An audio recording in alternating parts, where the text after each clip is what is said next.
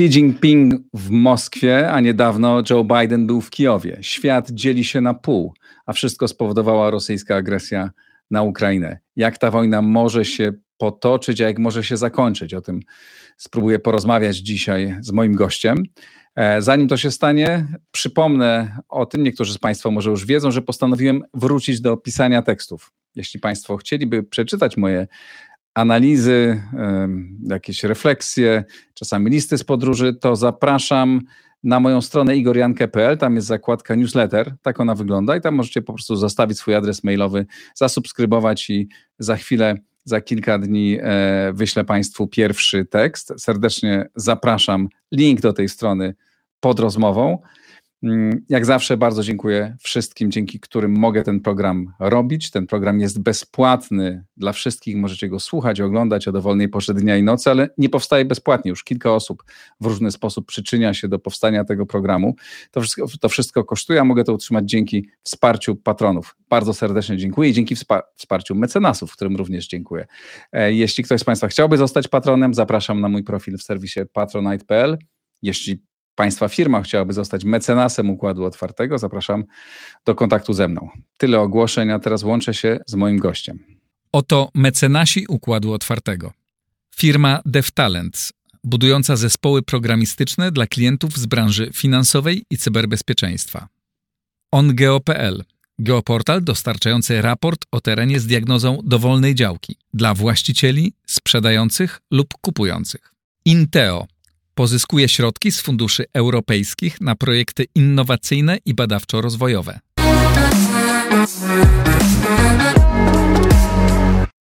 Krzysztof Wojczal, publicysta, prawnik, publicysta, fascynat geopolityki, autor książki Trzecia dekada, świat dziś i za 10 lat. Witam cię serdecznie. Cześć, witam cię, dzięki za zaproszenie. Dzięki, że jesteś. Jesteś w drugim końcu, w drugim końcu Polski. E, w swoim biurze, jak rozumiem, czy w swoim domu. Tak, w kancelarii. W kancelarii. E, powiedz, czy Twoim zdaniem to jest, jest duża symbolika w tym, że dzisiaj e, Xi Jinping odwiedza Moskwę, a niedawno Joe Biden był w Kijowie? To taki bardzo, bardzo wyrazisty znak. Co on nam mówi o świecie? Tak, to ciekawe porównanie z jednej strony, ale z drugiej strony zwróciłbym uwagę na, na różnicę. Joe Biden jechał do Kijowa e, z, ze słowami pokrzepienia, ze słowami wsparcia, a ja uważam, że Xi Jinping e, przyjechał do Moskwy e, trochę w, z formą takiego ostrzeżenia dla Putina, ale myślę, że o tym za chwilę rozwiniemy. Aha, tu widzimy, e, e, ściągnąłem zdjęcia z obu, z obu, twych, z obu tych e, wizyt. Te spojrzenia Xi Jinpinga i Putina są bardzo takie przyjazne i to jest taka dużo manifestacji w tej e, wizycie. Pokażę jeszcze jeden obrazek z bodajże z Washington Post, e, który mówi, że to jest wręcz taka ceremonia przy, na Kremlu przywitania e, Xi Jinpinga wysokiej rangi, a jednocześnie to następny klocek do tej układanki w świecie. Premier Japonii odwiedza, odwiedza Kijów. Ale wróćmy do tej, do tych Chin do, do przywódcy Chin w Moskwie. Co on, przekaz, co on może przekazywać teraz Putinowi? To znaczy, ja bym to ubrał w szerszy kontekst. Należy pamiętać, że oczywiście te wszystkie kroki dyplomatyczne to jest gra, to jest teatr. E, który ma dawać jakiś przekaz tak rywalom, jak i konkurentom, jak również sojusznikom, jak również jest często kierowany na potrzeby polityki wewnętrznej. Także tutaj nie ma tego, nie można tego po prostu traktować do jednego tego, co się mówi w polityce, w języku dyplomacji e, i nie ma również, nie, nie można również przekładać jeden do jednego to, co się e, czasami dzieje nawet, ale jakby wracając do tej mm, konkretnej wizyty, ja, ja bym ją umieścił w kontekście tych 12 punktów chińskich, tego u nas nazwanego planu pokojowego chińskiego dla Ukrainy, który tym planem w zasadzie pokojowym dla Ukrainy nie jest. To jest bardziej plan pokojowy dla świata, czy stanowisko Chin względem wojny na Ukrainie.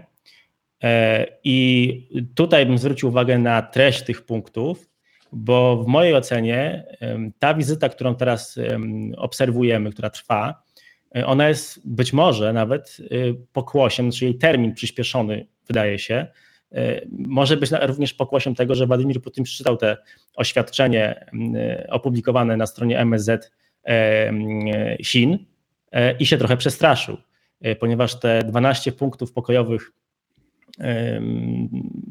dla Ukrainy, jak my to nazwaliśmy tutaj na, na, na nasze potrzeby medialne, to tak naprawdę ja to oceniam jako manifestację i chęć przypodobania się Zachodowi.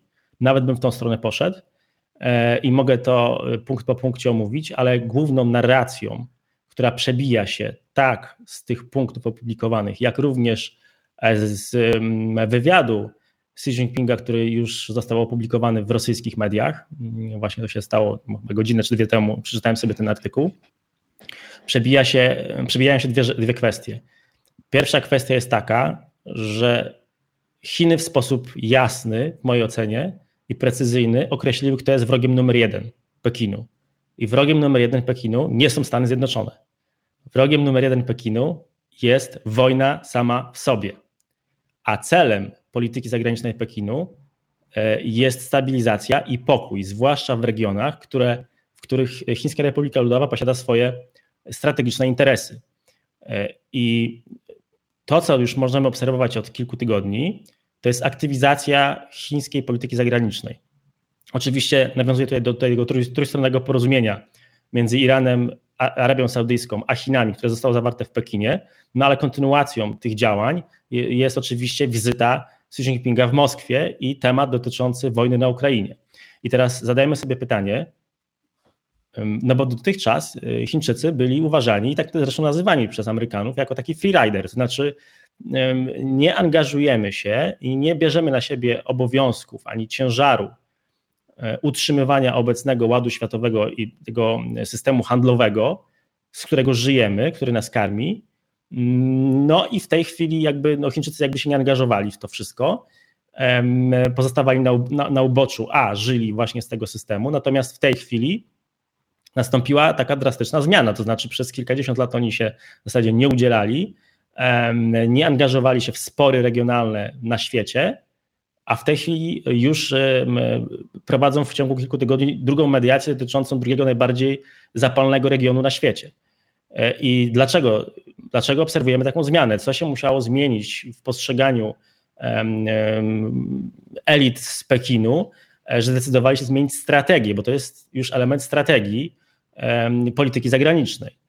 E, I w mojej ocenie Chińczycy doszli do wniosku, że w związku z tym, doszli do wniosku, uświadomili sobie, że nie ma już światowego strażaka, to znaczy Amerykanie, którzy pełnili w pewnym sensie tą rolę, e, zmniejszyli swoje zaangażowanie na Bliskim Wschodzie to raz, a z Zatoki Perskiej 50% e, importu ropy, znaczy import z Zatoki Perskiej to jest 50% importu ropy do Chin, e, a jednocześnie Amerykanie stali się niejako stroną konfliktu na Ukrainie, tak można powiedzieć. I nie są, w mojej ocenie, i to pokazują, nie są zainteresowani tym, żeby ulec Rosji, nie są zainteresowani tym, żeby ten konflikt znaczy chcieliby, żeby się on się szybko zakończył, ale na korzyść, jednoznacznie na korzyść Ukrainy. No, nie są, nie są zainteresowani zamrożeniem tego konfliktu, choćby w ten sposób, jak to ująć. No i Chińczycy zrozumieli, że już nikt za nich nie będzie stabilizował regionów, które są dla nich newralgicznie istotne, a Ukraina również jest istotna z kilku powodów. Po pierwsze, nowy jedwabny szlak i była mowa o tym projekcie mm, One Belt, One Road, już o tym mówił Xi Jinping w Moskwie, to znaczy nitka mająca biec przez Rosję i Ukrainę z, z, uwagi na sankcje, z uwagi na wojnę i wszelkie konsekwencje, ona w tej chwili nie wiadomo, czy w nią inwestować, czy w ogóle jest sens budować. To po pierwsze. Po drugie, konflikt na Ukrainie, który trwa już rok, powoduje kryzys w Europie. Kryzys w Europie, no oczywiście inflacja energetyczna i tak dalej, i tak dalej. Kryzys w Europie e, powoduje zmniejszenie konsumpcji Zmniejszenie konsumpcji wpływa na interesy chińskie, ponieważ Chińczycy, połowa ich zarobków z eksportu to Stany Zjednoczone i Europa. A więc wojna na Ukrainie uderza w chiński portfel. Jednocześnie To jest też bardzo istotne. Jakiś czas temu, jeszcze za Donalda Trumpa, Stany Zjednoczone zrozumiały, że biznes to nie wszystko i najważniejsze również w biznesie jest bezpieczeństwo. I w tym kontekście wprowadzano różnego rodzaju cła, e, wprowadzano narzędzia, które miały zmusić technologiczną izolację Chin, powrót technologii do Stanów Zjednoczonych, czy powrót przedsiębiorstw, albo po prostu przeniesienie przedsiębiorstw zrywalizujących z Amerykanami Chin do, w inne miejsca. I Amerykanie to zrozumieli dużo szybciej niż Europejczycy, niż Zachód Europy. A wojna na Ukrainie sprawiła, że jakby powód jest inny, ale wnioski są te same. Europejczycy również stwierdzili, że no musimy skracać łańcuchy dostaw, bo jeśli mamy wojnę, to musimy przynajmniej na płaszczyznach strategicznych produkować u siebie i musimy mieć, no to pokazał już COVID w jakimś zakresie, ale ta wojna na Ukrainie jest naprawdę tutaj znaczącym argumentem. I to ja rozumiem, że chcesz powiedzieć, się... jeśli mogę na sekundę, tak. E, rozumiem, że chcesz powiedzieć, że Chinom ta wojna nie jest na rękę, co brzmi, podajesz poważne argumenty, tak, rzeczywiście utrudnia im to życie, no ale z drugiej strony ona osłabia e, Rosję, czyniąc dla Chin e, dużo wygodniejszego e, partnera, dużo łatwiejszego w obsłudze partnera, bo będzie ich bardzo pomagał. Czyli dla Chin ta sytuacja staje się bardzo wygodna z drugiej strony.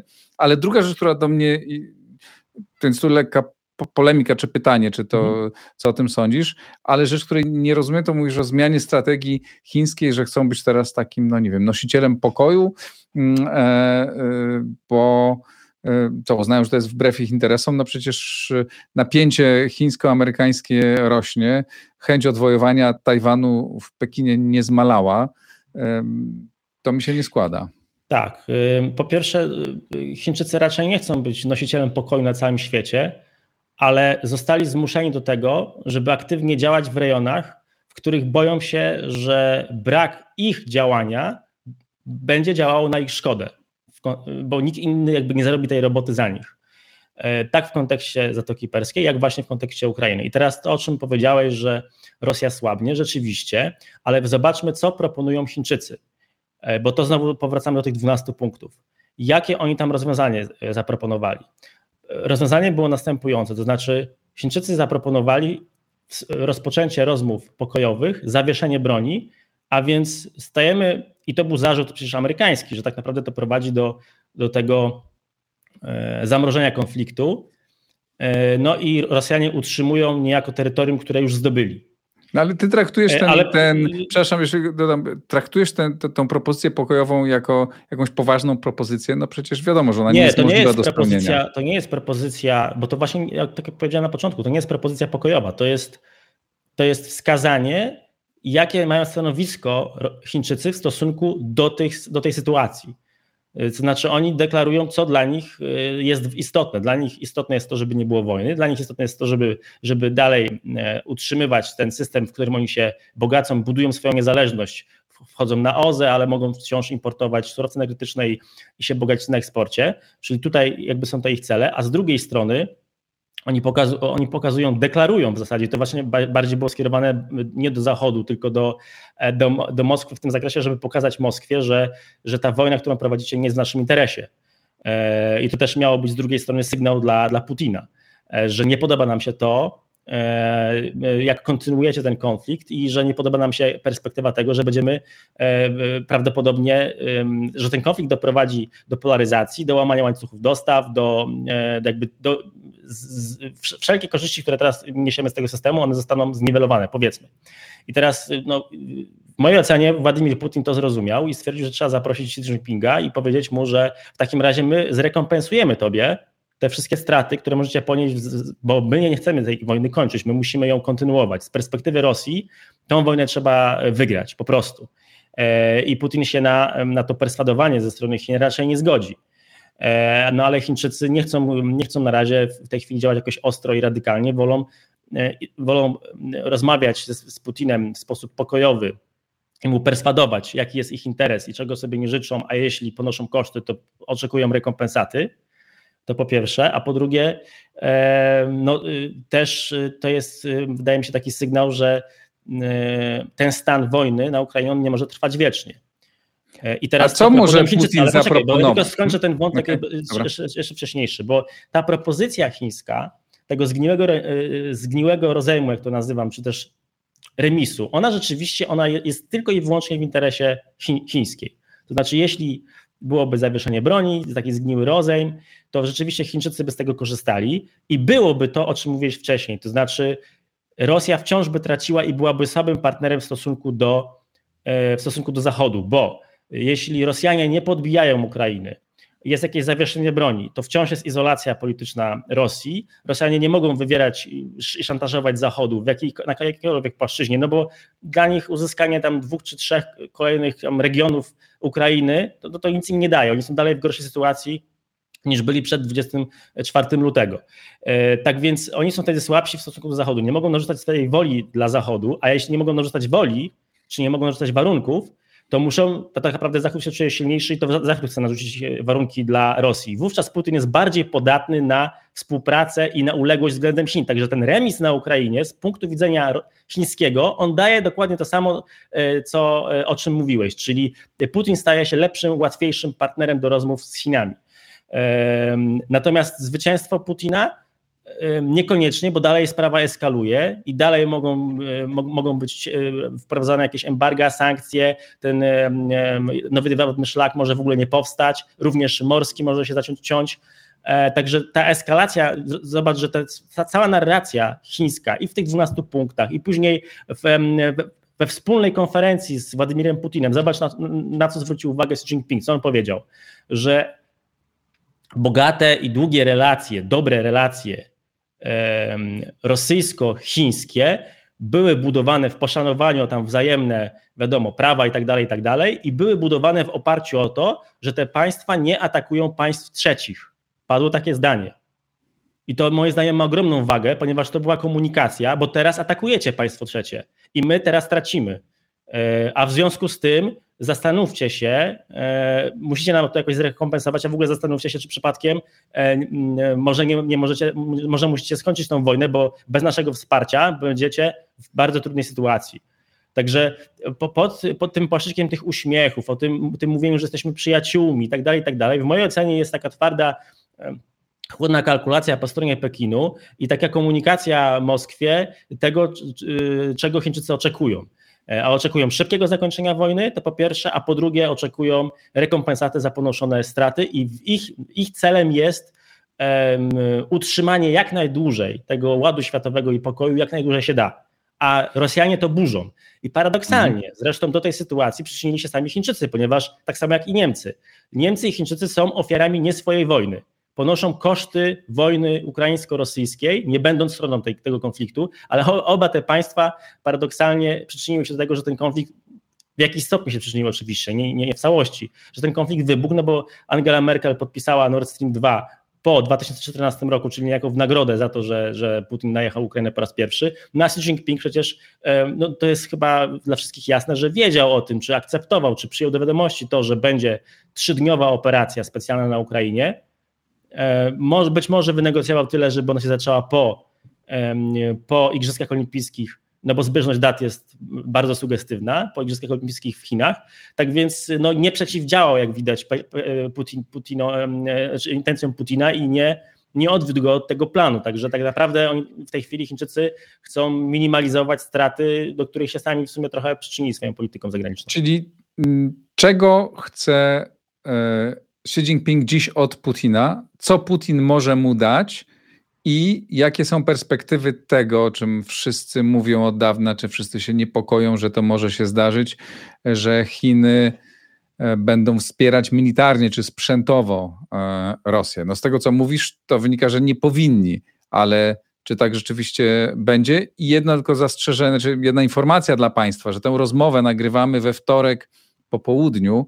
Jak widzicie, zmieniają się barwy, to dlatego, że i, i Krzysztof po jednej stronie, a po drugiej mamy okna w pobliżu i słońce wychodzi i nam zmienia, e, zmienia oświetlenie e, ale być może kiedy Państwo będziecie słuchać tej rozmowy e, za dzień czy dwa, trochę więcej będziemy wiedzieć o tej wizycie. Mówię tylko o tym, że teraz komentujemy tak, to, co dzisiaj, co dzisiaj widzimy. Więc wracam do tego mojego pytania. Co, co Xi Jinping chce osiągnąć, co Putin może mu dać, E, i czy jest realne niebezpieczeństwo, że Chiny e, przekażą jakiś sprzęt, albo już przekazują, o tym nie wiemy, e, sprzęt militarny Moskwie? Wydaje się, że gdyby Chińczycy przekazywali sprzęt militarny Rosji i to by wyszło, daliby pretekst do zwiększania sankcji, presji ze strony Stanów Zjednoczonych, a nie na tym Chińczykom zależy. E, więc mm, być może to wsparcie raczej będzie polegało na jakimś zaopatrzeniu, na dostarczaniu jakiegoś rodzaju elementów, urządzeń, maszyn, które pośrednio będą wzmacniały potencjał Rosji do prowadzenia wojny, ale nie sądzę, żeby Chińczycy zdecydowali się na przekazywanie bezpośrednio jakiegoś uzbrojenia chińskiego, bo gdyby Ukraińcy zeszyli, nie wiem, coś chińskiego i pokazaliby to publicznie, to nie byłoby raczej w interesie Pekinu. Co Władimir Putin mógłby zaoferować Chińczykom za to, żeby tolerowali przedłużający się konflikt? Na pewno gra jest o wpływy w Azji Centralnej. Tutaj zresztą Chińczycy sami podkopują e, stanowisko Rosjan, w zasadzie nie potrzebują w niektórych kwestiach nawet zgody rosyjskiej, no ale wciąż Rosjanie mają tam jednak dość dużo do powiedzenia. E, także tutaj pewnie mogą być pewnego rodzaju koncesje polityczne. Z pewnością e, do uzyskania są technologie rosyjskie, zwłaszcza rakietowe, również w zakresie lotnictwa, Kosmiczne to nie wiem, czy, czy już chyba Chińczycy są z przodu. Natomiast jest kilka newralgicznych takich płaszczyzn e, właśnie militarnych, gdzie Chińczycy opierają swoją technologię militarną na rozwiązaniach jeszcze postsowieckich czy sowieckich e, i nie wyprzedzili, nie wyprzedzili Rosjan w tym zakresie, więc wydaje mi się, że tutaj na przykład no, ten zakup S-400 kiedyś taki słynny, no bo wysłano wyrzutnie i pociski nie dotarły, prawda? Także no to, to na tych pociskach zależało właśnie Chińczykom. Także widać, że te systemy przeciwwaśnie rakietowe były, pewnie są słabsze po stronie chińskiej. Także no jest kilka takich płaszczyzn, gdzie rzeczywiście na przykład może być również e, jakieś porozumienie w zakresie e, budowania mm, siły Syberii 2, e, połączeń właśnie gazowo, nie tylko gazowych, ale, ale jeszcze nawet zwiększenie przepustowości infrastruktury ropy naftowej do Chin, ponieważ w tej chwili Chińczycy nawet gdyby chcieli, nie są w stanie odbierać od, od Rosji więcej gazu i ropy niż to robią w tej chwili, a w tej chwili to jest mniej więcej 12, może maksymalnie do 15% zapotrzebowania importu chińskiego, jeśli chodzi o gaz i ropę. Innymi sobie jutro mogliby się Chińczycy odpiąć od, e, chińskich, od rosyjskich surowców i zastąpić je sobie poprzez e, transfer surowców drogą morską, nawet ze Stanów Zjednoczonych czy Zatoki Perskiej, ale nie mogliby się odciąć od y, szlaków morskich i zastąpić sobie te surowce surowcami rosyjskimi. No i z perspektywy chińskiej może to by była korzyść, żeby rzeczywiście mieć taką alternatywę. Tyle, że budowa, oficjalne ogłoszenie takiego projektu i budowa tego projektu znowu narażałoby być może na jakieś e, ruchy ze strony Stanów Zjednoczonych względem Pekinu. Także Wydaje mi się, że Chińczycy są w bardzo trudnej sytuacji, ponieważ nie chcą się narażać, nie chcą ponosić większych kosztów niż ponoszą już dotych, dotychczasowe tej wojny. Tak więc też nie mogą żądać wszystkiego, czego by chcieli żądać, a przynajmniej nieoficjalnie. Tak, tak, tak bym to, tak bym to określił, okay. chyba tutaj więcej nie wymyślę. Przenieśmy się teraz e, na Ukrainę, jakby, czy porozmawiajmy o wojnie, zwłaszcza, że prosili mnie o to patroni. E, e, dwóch patronów poprosiło mnie, żebym Cię zapytał e, o, o to, jak widzisz przyszłość konfliktu na Ukrainie. Czy widzisz szansę, pan Mariusz Jachał pyta, czy widzi pan szansę na powstrzymanie Putina w wojnie na Ukrainie? Mówi, że ja nie widzę.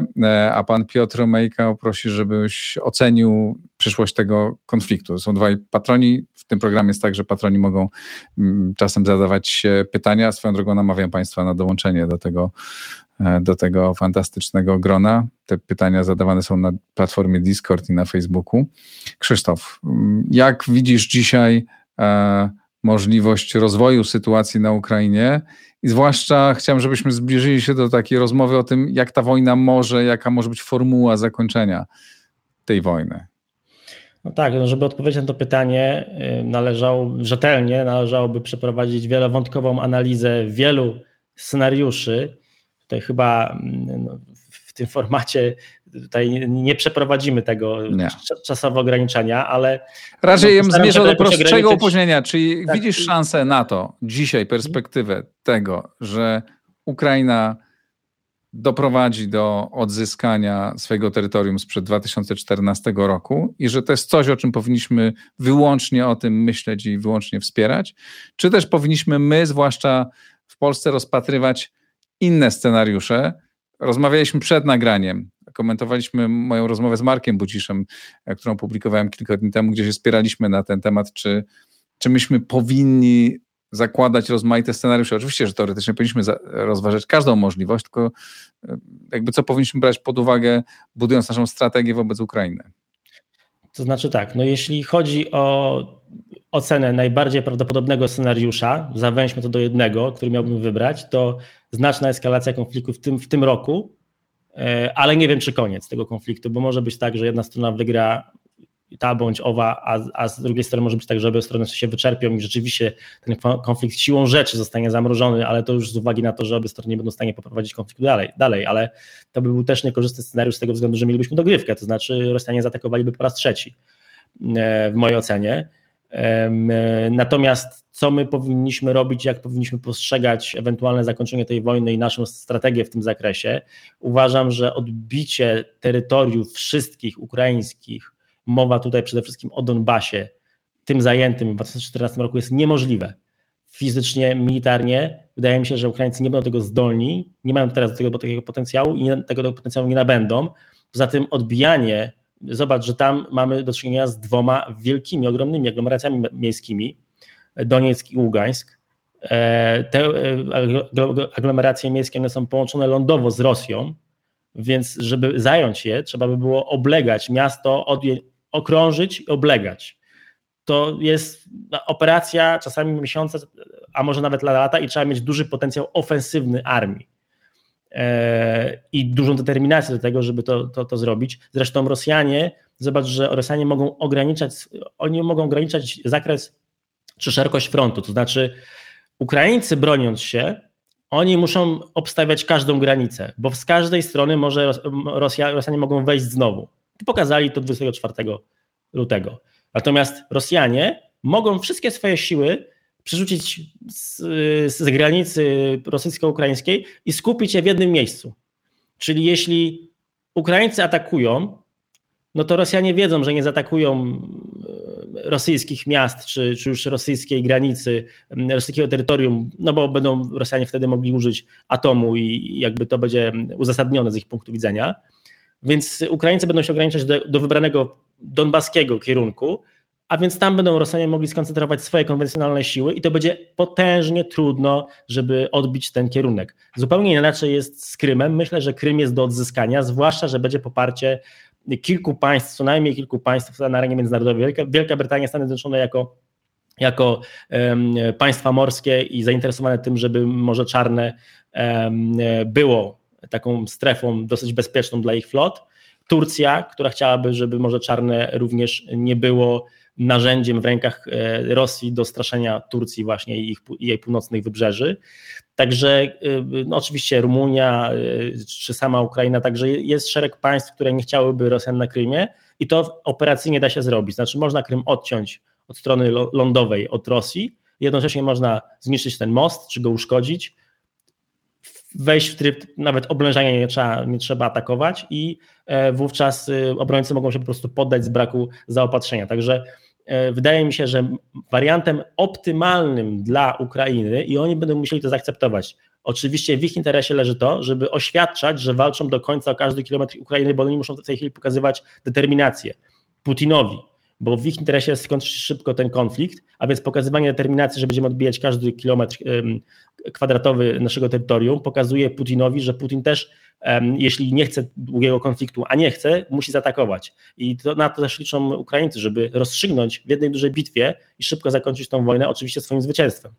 Także w tym kontekście oni, oni jakby prezentują pewnego rodzaju stanowisko. Oczywiście, oczywiście pewnie wszyscy Ukraińcy walczący y, chcieliby odbić każdy kilometr, ale wydaje mi się, że jest świadomość w elitach ukraińskich, że to może być niemożliwe i na pewnym etapie oni rzeczywiście będą się musieli zgodzić na, na ustępstwa terytorialne i w tym zakresie wydaje mi się, że takim optymalnym wariantem jest to, że wracamy do granic z 2014 roku, ale po zajęciu Rosjan y, tego do Donbasu, ale w y, drugą stronę odzyskujemy Krym.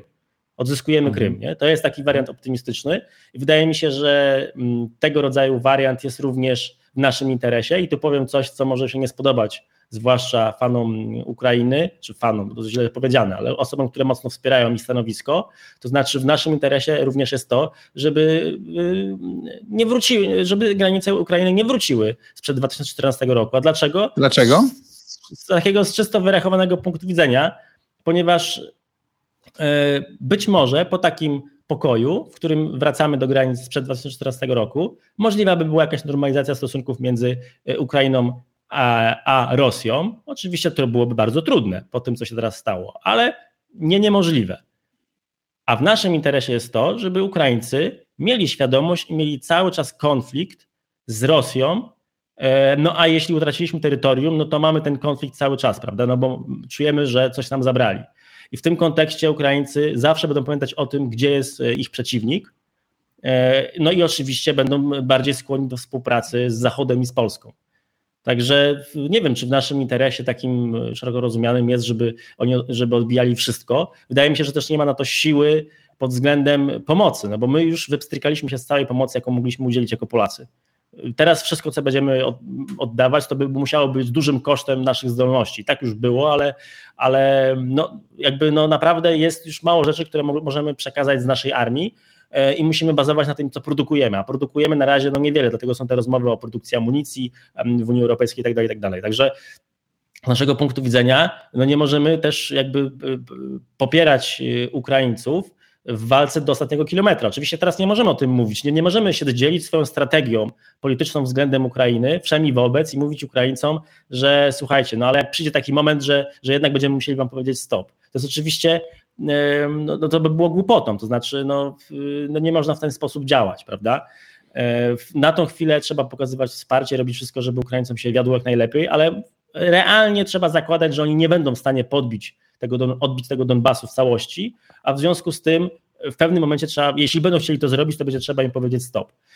To dosyć e, kontrowersyjna teza, ale przyjmuję e, ją jako punkt e, widzenia, no bo ważne jest to, jak sobie określimy, czym jest zwycięstwo.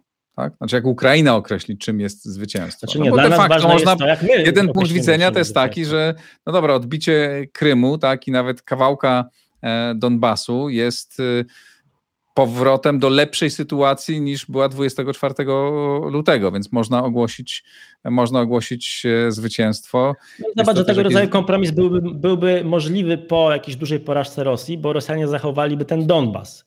Mhm. E, a przecież nie chodzi o to, żeby oni cały czas atakowali Ukrainę do upadłego, bo oni są w stanie wytrzymać w wojnie o jeden dzień dłużej niż Ukraińcy. Mają silniejsze mhm. państwo, mają jednak silniejszą armię i znacznie e, e, potencjał przemysłowy do, do prowadzenia długiej wojny. Oni to mają. To nie jest tak, że, że, że oni nie są w stanie, że oni zaraz przegrają. E, Ukraina trzyma się dzięki takim, no jednak etapowym i jakby trochę dostawom takim, wiesz, ad hoc. Natomiast Y, nie jest w stanie produkować w tej chwili własnym, własnym przemysłem regularnych dostaw zaopatrzenia. I... Na pewno nie. W tej tak, chwili i... wszystko jest w rękach Stanów Zjednoczonych tak naprawdę tak, i tak, woli no, A Rosjanie są w stanie, bo to nie na ja jednak cały czas bije, znaczy bije armię, prawda? Tak, znaczy ja, ja, jednak wierzę, jestem przekonany co do tego, że jakkolwiek to zwycięstwo nie określimy, to musi być zwycięstwo i Joe Biden nie może sobie pozwolić na, na coś innego niż zwycięstwo Ukrainy w tej wojnie. Tak? Oczywiście, że tak. I naszym zwycięstwem, bo nasze zwycięstwo nie musi być takie tożsamo rozumiane z tym ukraińskim. Nasze zwycięstwo polskie, e, znaczy zwycięstwo Ukrainy dla Polski e, może oznaczać to, i moim zdaniem to oznacza, że Ukraina e, po wojnie będzie państwem, które będzie można, mm, będzie państwem, które skorzysta z pomocy i planu odbudowy, bo jeśli nie skorzysta, to będzie dla nas obciążeniem, a nie aktywem, a nie strefą buforową. Czyli państwo to musi być oczywiście na tyle silne, żeby stanowić tą strefę buforową i żeby wystawić jakąś armię. E, I to musi być państwo oczywiście niezależne od Rosji i powinna Ukraina dostać gwarancję bezpieczeństwa z NATO e, i dostać jasną ścieżkę, znaczy pokojem, pokojem zawartym z Rosją. Rosjanie musieliby się godzić na to, że Ukraińcy trafią w jakimś przedziale czasowym trafią do Unii Europejskiej i do NATO. Do NATO z tego jak... względu, że mhm. bez gwarancji bezpieczeństwa będziemy mieli dogrywkę, a, a tak tej dogrywki trzecim razem Ukraina już nie przetrwa, nie będzie to, do tego zdolna, bo będą musieli utrzymywać na przykład przez, nie wiem, przez ileś lat olbrzymią armię, no bo w każdej chwili mogą zaatakować Rosjanie, a nie mają do tego gospodarki.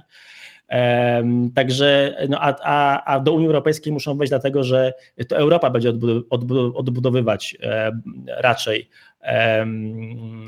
Ukrainę i bez tej odbudowy no, Ukraińcy nie będą w stanie wystawić nowoczesnej i sprawnej w armii, która by nas wspierała i która stanowiłaby dla nas też, no bo przecież jeśli my chcemy zawierać jakieś, jakieś partnerstwo, jakąś strategię budować polityki wschodniej łącznie z Kijowem czy we współpracy z Ukraińcami, no to nie może być tak, że my jesteśmy tylko dawcami.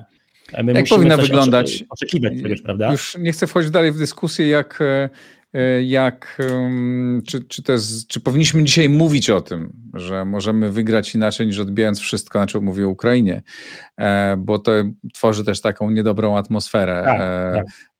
Więc to, co mówisz, y, dla mnie brzmi niebezpiecznie, w tym sensie, jak się pojawia to w domenie publicznej, potem się pojawia coraz większej ilości mediów na świecie, potem politycy to podchwytują i uznają w zasadzie już nie trzeba.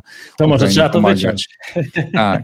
E, nie, w tym programie nie, e, nie, wyci, nie, nie wycinam niczego, ale chcę Cię zapytać o to, jak Ty widzisz e, sytuację po wojnie, jak widzisz relacje polsko-ukraińskie e, po wojnie, jak powinniśmy budować, czy powinniśmy budować sojusz polityczny, militarny, jak on powinien wyglądać? Oczywiście, że powinniśmy to budować e, i, po, i, oczywiście, że powinniśmy budować to już teraz. I zresztą chyba to jest teraz robione. Przepraszam. Mhm.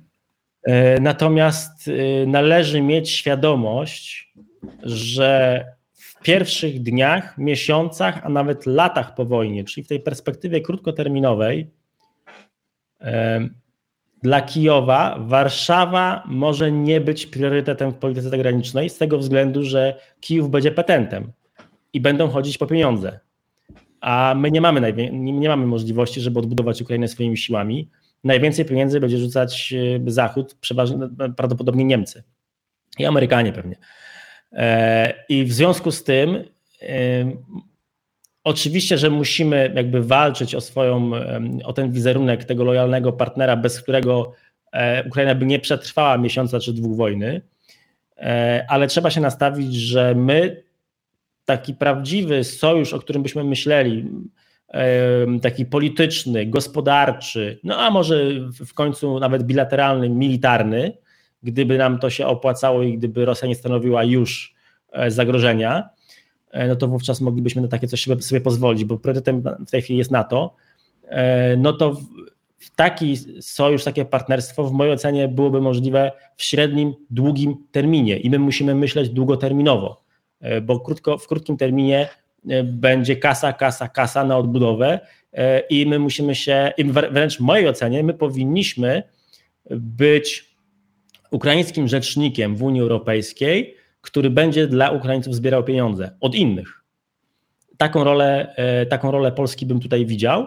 E, w taki sposób moglibyśmy e, konkurować o swoją pozycję z Kijowem, nie mając takich środków pieniężnych, jakie ma, mają Niemcy, czy, czy jak, jak mają Amerykanie i, i, i, każdy inny. Zresztą też możemy bazować tutaj również na na tych e, takich czysto ludzkich argumentach, to znaczy, no wiadomo, że teraz w tej chwili najwięcej to Polaków jeździ na Ukrainę pomagać, budują się relacje międzyludzkie, więzi, e, no a to się może później przełożyć na jakieś biznesy, e, na jakieś inwestycje i to my będziemy na przykład mówić, słuchajcie Niemcy, my nie mamy pieniędzy, ale tutaj jest taki deal do zrobienia, my będziemy pośrednikiem, coś z tego będziemy mieli. No, w ten sposób to może wszystko działać. Oczywiście, że Y, I teraz tak, jaki kształt te partnerstwo miałoby być polsko-ukraińskie? Naprawdę w tej chwili jest trudno o tym mówić, bo nie wiadomo, jakie będą warunki konkretne. Trzeba mieć takie, taką jasną, y, oczywiście, strategię czy myśl strategiczną, w którym kierunku zmierzamy, no ale należy reagować na bieżąco, na, na, na sytuacje, których nie jesteśmy w stanie przewidzieć, na to, co się będzie działo. To jest tak jak, wiesz, to jest, też się nie zgodzę z tą tezą, że, że Polska w tej chwili nie ma w ogóle żadnej strategii wschodniej, bo jej nie widać, bo nikt o niej nie mówił, nikt jej nie, nie napisał i nikt jej nie opublikował. Wiesz, to jest tak jak w biznesie, nie? E, w biznesie masz duży, dużą korporację, dużą firmę, która istnieje na rynku i ma konkurencję. I tam w tej firmie od tego najmniejszego pracownika na samym dole, jakich jest nawet kilkuset, do dyrektora, wszyscy pracują na to, żeby realizować strategię firmy. Strategią firmy jest oczywiście dalszy jej rozwój, a więc walka z konkurencją, przejmowanie być może dostawców, poddostawców tej konkurencji. Innymi słowy, eliminowanie konkurencji, prawda? Ale nikt tego nie pisze i nikt tego pracownikom nie przedstawia, ale i tak wszyscy realizują ten plan. Wszyscy go realizują, także jakby wszyscy wiedzą o co chodzi. Konkurujemy z jakąś firmą, musimy zrobić lepszą ofertę, musimy zrobić lepszy PR, lepszą, lepszą reklamę. Na każdej płaszczyźnie ta rywalizacja się przejawia, na każdej płaszczyźnie e, strategia firmy jest realizowana, pomimo tego, że jej nie ma oficjalnie. I tak działają państwa i tak powinny działać państwa. Znaczy, my wiemy, w jakim kierunku chcemy iść, i to nie powinno być nawet ogłaszane, ale przecież wszyscy to czujemy, co my chcemy zrobić, prawda? W jakim kierunku chcemy iść. I to chyba widać. Na koniec chciałem Cię zapytać jeszcze o zupełnie, znaczy o inny kierunek e, i trochę nie ja nawet chciałem Cię zapytać, ale też jeden z moich patronów, e, Przemo B, e, który zapyta Cię, dlaczego obsadzasz Niemcy, znaczy dlaczego Pan obsadza Niemcy w roli naszego głównego antagonisty? Pyta Cię mój, jeden z moich patronów, wszystkich patronów pozdrawiam przy okazji. Tak, rzeczywiście to w ostatnich tygodniach tak może wyglądać ale mm, no ja na to mam takie po prostu argumenty, to znaczy to nie ja wsadzam Niemców jako antagonistę Polski, tylko Niemcy sami stawiają się w tej roli. Znaczy to ich działanie, ich narracja, słowa ambasadora niemieckiego w, Niem w Polsce, no ich, ich pewnego rodzaju teraz przestawienie niejako polityki zagranicznej, e, no stawia e, nas w konkurencyjnej pozycji, to znaczy Polskę i Niemcy.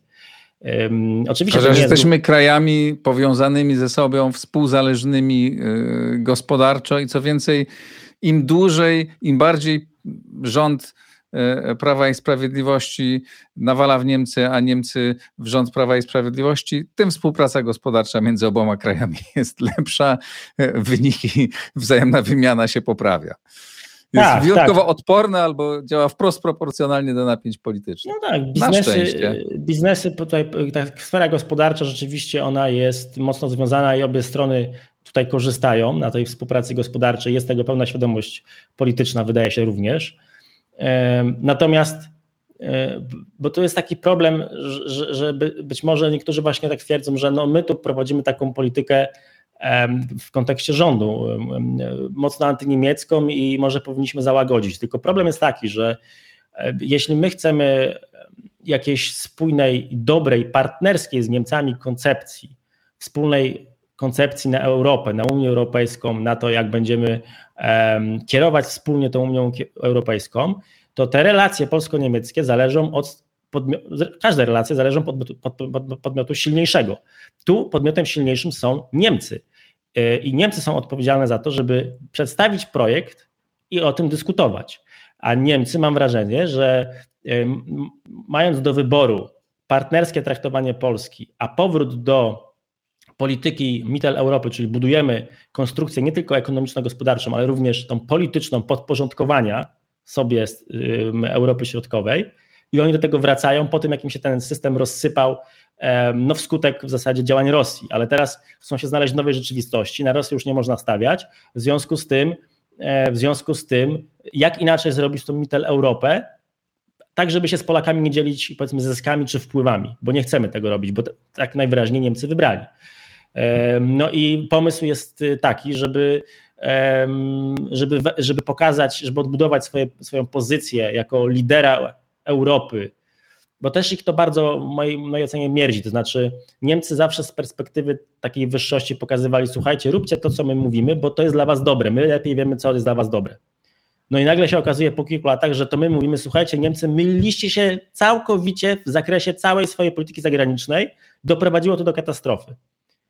No i mamy rację w tym zakresie. I Niemcy, niemiecka pozycja jako lidera jest to, I to jest bardzo ważne, bo ta wiarygodność jest istotna z tego względu, że jeśli Niemcy chcą budować federalizację Unii Europejskiej i chcą być tym liderem, który ma podejmować decyzje za innych, no bo do tego to się sprowadza. Jeśli prze, możemy przegłosować, nie ma weta tych państw mniejszościowych i możemy ich przegłosować, znaczy, że państwa mniejszościowe muszą się zgodzić na to, że ktoś za nich będzie podejmował decyzje. I teraz możemy się zgodzić na to, że ktoś za nas podejmuje decyzje, jeśli wierzymy, że te decyzje będą dla wspólnego dobra. Ale jeśli my widzimy, że Niemcy podejmowali decyzje, które były tylko w ich interesie, a nie w interesie wszystkich, no to już nikt Niemcom nie zawierzy. I ta pozycja została zdewastowana, jeśli chodzi o wiarygodność Niemiec. Oni sami ją sobie zdewastowali.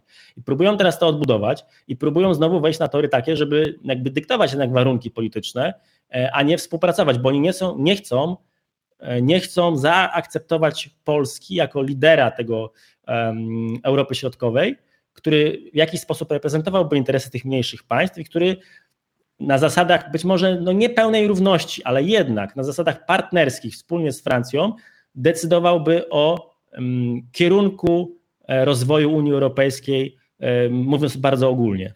A wierzysz na koniec, jeżeli możesz krótko w to, że po zakończeniu wojny, zakładając, że ona się zakończy w sposób pozytywny dla nas, nie doprecyzowując, co to dokładnie oznacza, że jeśli my wejdziemy w bliską współpracę z Ukrainą, no co jest niezwykle prawdopodobne, to bardzo utrudni nam relacje z Niemcami, czy owszem, utrudni może w pierwszym okresie, bo będzie taki szok, no, że mają partnera, który jest mocniejszy, jeszcze trudniej, jeszcze trudniejszy niż był do tej pory. Mm, e, ale dzięki temu jakby staniemy się bardziej równorzędnym partnerem i, i, i wtedy te, te relacje będą mogły się znormalizować. Zaczniemy na siebie wzajemnie patrzeć normalnie jak na sąsiada, z którym owszem, tu mamy problemy, tam mamy problemy, no ale tu współpracujemy.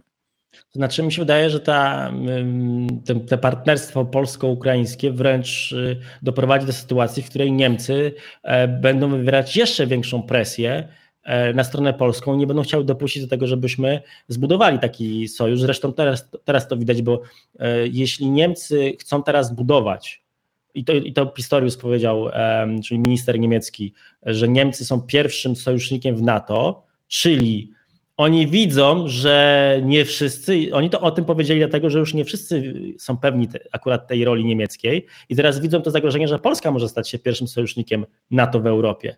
E, to po pierwsze. Po drugie może zbudować ten, to partnerstwo z Kijowem, więc my Niemcy musimy pokazać, że to my jesteśmy największym e, sojusznikiem ukraińskim, najbardziej ich wspieramy. I to, że oni mówią, że najbardziej ich wspieramy, to oczywiście godzi nasze interesy, bo umniejsza naszą rolę. Siłą rzeczy. To nawet nie chodzi o to, że oni celowo, powiedzmy, mają tą, tą narrację taką negatywną w stosunku do naszej pomocy, że ona może nie jest taka, jak my deklarujemy, tylko chodzi o to, że po, przez samo podwyższanie swojej pozycji już mają konflikt interesów z nami. E, I to oni będą konkurować o względy Kijowa i będą pieniędzmi chcieli przekonać Kijów, żeby Kijów stawiał na Berlin, a nie na Warszawę. I w tym, w, tym, w tym sensie, w tej polityce wschodniej, Niemcy będą chcieli zastąpić sobie Rosję Ukrainą, po to, żeby móc mitygować i ograniczać asertywność Polski i państw regionu, jak państwa bałtyckie, względem niemieckich, e, względem niemieckich interesów czy deklaracji. Także tu chodzi o tą jakby grę o asertywność. Polska jest asertywna, to się mi nie podoba, ma być nieasertywna. E, no i wydaje mi się, że jakikolwiek rząd nie będzie tutaj w Polsce, będzie się musiał mierzyć z presją niemiecką i będzie sobie musiał zarządzać tą sytuacją i będziemy obserwować, czy jesteśmy bardziej atakowani, czy mniej, czy bardziej asertywni, czy mniej. Być może ktoś tam w, Berlinie dojdzie do wniosku, że trzeba nam zaproponować jakąś naprawdę dobrą propozycję i zaakceptować. Bo zobaczmy, jaka jest różnica. To jest jeszcze takie jedno ważne to zdanie. W momencie, kiedy my wchodziliśmy do Unii Europejskiej, Nasza gospodarka naprawdę była słaba, byliśmy państwem słabszym, ale minęło od tego czasu zaraz 20 lat. I nasza pozycja w Unii Europejskiej znacząco, na, również na płaszczyźnie gospodarczej, wzrosła. I my, to jest dla nas pułapka mentalna. No my nie możemy się zachowywać jako państwo trzeciej kategorii. My jesteśmy już określani przez instytucje międzynarodowe nie jako państwo na dorobku, tylko. Yy, jako, jako, nie jako państwo rozwijające się, e, tylko państwo rozwinięte.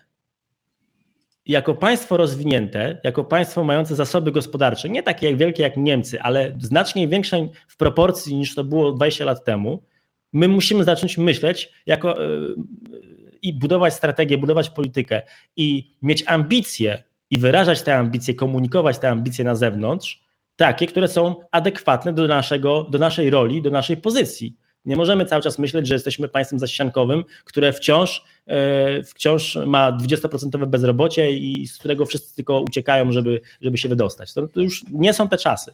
Także musimy zmienić tu, swoje postrzeganie. Tak, ja się, tu postawmy kropkę. To teza, ta, teza, ta myśl bardzo mi się podoba, jest mi bardzo bliska, też ją wiele razy e, wypowiadam. Jesteśmy w innym miejscu, musimy e, i musimy wyciągnąć z tego wszystkie, wszystkie konsekwencje. Nie tylko te przyjemne, też te które wymagają, też są przyjemne. Bycie odpowiedzialnym i e, e, wzięcia na siebie odpowiedzialności i tym samym posiadanie większego wpływu no jedno, na jedno zdanie, jeśli mogę jeszcze w tym kontekście. No, e, po prostu za, zaczął się moment, w którym my musimy, jak każde inne odpowiedzialne duże państwo w Europie, walczyć w tej Europie o interesy w ramach tej wspólnoty a nie godzić się na to, że ktoś za nas będzie podejmował decyzję. Tak. Krzysztof Wojsal, e, bardzo Ci serdecznie dziękuję. E, Dzięki również. Dzięki, że znalazłeś czas dla Układu Otwartego. Mm, to wszystko e, w tym odcinku. Bardzo Państwu dziękuję. Napiszcie w komentarzach, co sądzicie. Subskrybujcie Układ Otwarty i zasubskrybujcie mój newsletter. Link e, do tego newslettera znajdziecie pod nagraniem. E, jeśli uznajecie, że warto wspierać takie niezależne media, wspierajcie na patronite.pl. Zapraszam na kolejne rozmowy. Dziękuję bardzo. Pozdrawiam wszystkich serdecznie. Przygotowując odcinki układu otwartego, korzystam z serwisu Infopiguła. Link do Infopiguły znajdziecie pod nagraniem.